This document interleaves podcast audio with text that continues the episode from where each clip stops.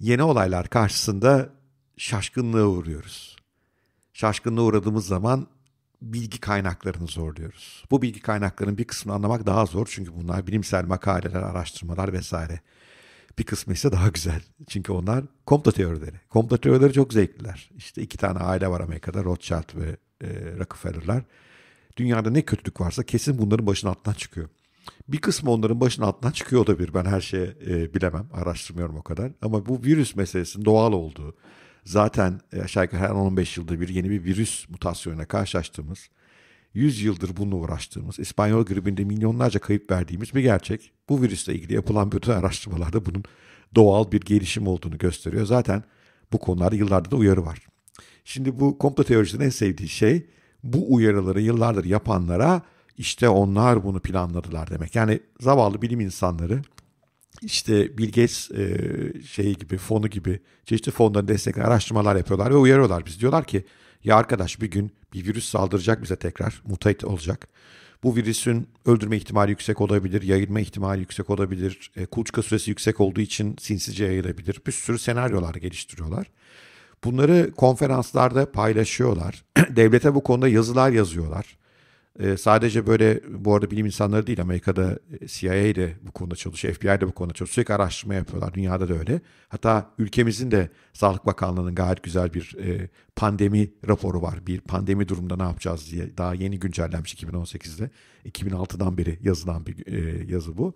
Ve uyarılarda bulunuyorlar. Bu uyarılara e, uyup uymamak da işte o ülkelerin, o devletlerin koronavirüs karşısındaki e, gücünü, tepkisini ortaya koyuyor. İşte görüyoruz ki Çin gibi, Güney Kore gibi, Singapur gibi bu işte ciddiye alan ülkeler daha iyi hazırlanmışlar. Amerika dahil Batı toplumunun çok büyük bölümü hazırlıklı değil. İşte bizim hazırlıkta belki ortalarda bir yerlerde. Ama bunu komplolarla açıklamak daha güzel. İşte bu virüs bir biyolojik silah birileri geliştirdi. Önce Çin'e saldı. Niye Çin'i yok edeceklerdi? Şimdi ama durum öyle değil. Çin bu işten sağlam çıkıyor. Hatta bütün araştırmalar Çin'in bu işten güçlenerek çıkacağını ortaya koyuyor. ABD dağılıyor. Hop komplo teorileri değişiyor bu sefer. ABD bir rol yapıyor. ABD'de aslında ölenler yok. Zaten bütün araştırmalar tek üniversiteden geliyor. John Hopkins diye. Bu bir sürü yerde araştırma var. Yani akıllarız yani. Bütün bu süreçte Bill Gates de en böyle e, merkezdeki insan. Niye? Çünkü Bill Gates yıllardır, 10 yılı uzun bir süredir bu konuda insanları uyarıyor. Ve diyor ki bir gün böyle bir virüs saldırısı olacak. Hazır değiliz. Ebola'da ve SARS'da bunu ucuz atlattık. H1, H1N1'de. Niye? Çünkü çabuk öldü virüsler ama bir gün daha dayanıklı, daha güçlü bir virüs çıkabilir. Ve bu sinsizce yayılarak e, çok ciddi ölümlere yol açabilir. Tarih çünkü bu tip örneklerde dolu. Gates bunu yıllardır söylüyor. Açıkça söylüyor. TED konferanslarda söylüyor. Yani bir komplo kuruyor olsa muhtemelen başka bir planı olurdu. Ama bizim komplocu teoriciler bu açıkça söylenen şeyleri alıp Bill Gates'in aslında bu virüsün tasarımcısı, yaratıcısı olduğunu, birilerinin onun kulağına bir şeyler fısıldadığını falan iddia ediyorlar. Yani hakikaten akıl tutulmasının seviyesi başka bir yerlere gelmiş durumda. Bill Gates'e bayılmam bu arada yani. Hani Microsoft'un ürünlerine de bayılmam. PowerPoint'i hayatımıza sokup da ömrümüzün yarısını sunum hazırlamakla geçirdiğimiz için de kendisine pek duacı değilim. Artı iş hayatı yaklaşımında e, şimdi bir hani emekli olduktan sonra bir fon yarattıktan sonra biraz daha melek rolüne büründüyse de iş hayatında gayet e, şeytani davrandığını, işte Apple'ın fikirlerini çaldığını Steve Jobs'un e, tekerleşme konusunda çok çaba sarf ettiğini falan da düşünürüm yani bir o da bir iş insanı iş insanlarında doğasında bu var. Fakat işte çoğu iş insanı gibi o da e, emekliye yaklaştıkça biraz daha hayır işlerine verdi kendini ve hakikaten özellikle Afrika'da pek çok hastalığın yenilmesine aktif rolü oldu. İşte tuvaletler, pratik tuvaletler e, tasarladı orası için onları ürettirdi, dağıttı temiz su kaynaklarına ulaşımını basitleştirdi. Bununla ilgili Netflix'te güzel bir belgesel var. Bill Gates'le ilgili izleyebilirsiniz. Gayet açıklıyor durumu ne olduğunu. Korona ile ilgili de e, yıllardır yapılan yaptığı uyarıları kimse dinlemedi. Hala da uyarıyor. Diyor ki e, 4-5 hafta bir dünyayı tamamen kapatmazsak, e, bir küresel lockdown yapmazsak biz bunu durduramayız.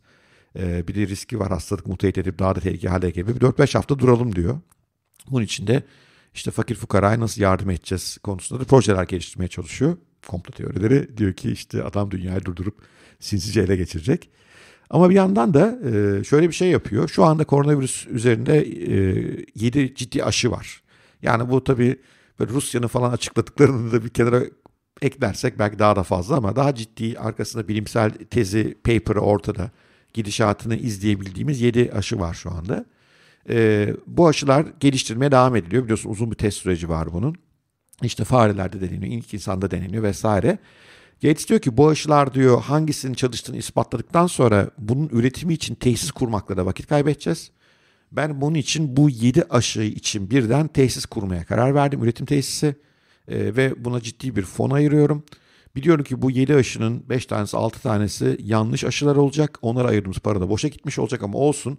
Bu sayede dünyadaki aşı ekonomisinden trilyonlarca doları e, kur, e, aşının yaratacağı veya çok affedersiniz aşısızlığın yaratacağı bu hastalığın yayılmasını yaratacağı trilyonlarca dolarlık zararı engelleyebiliriz diyor.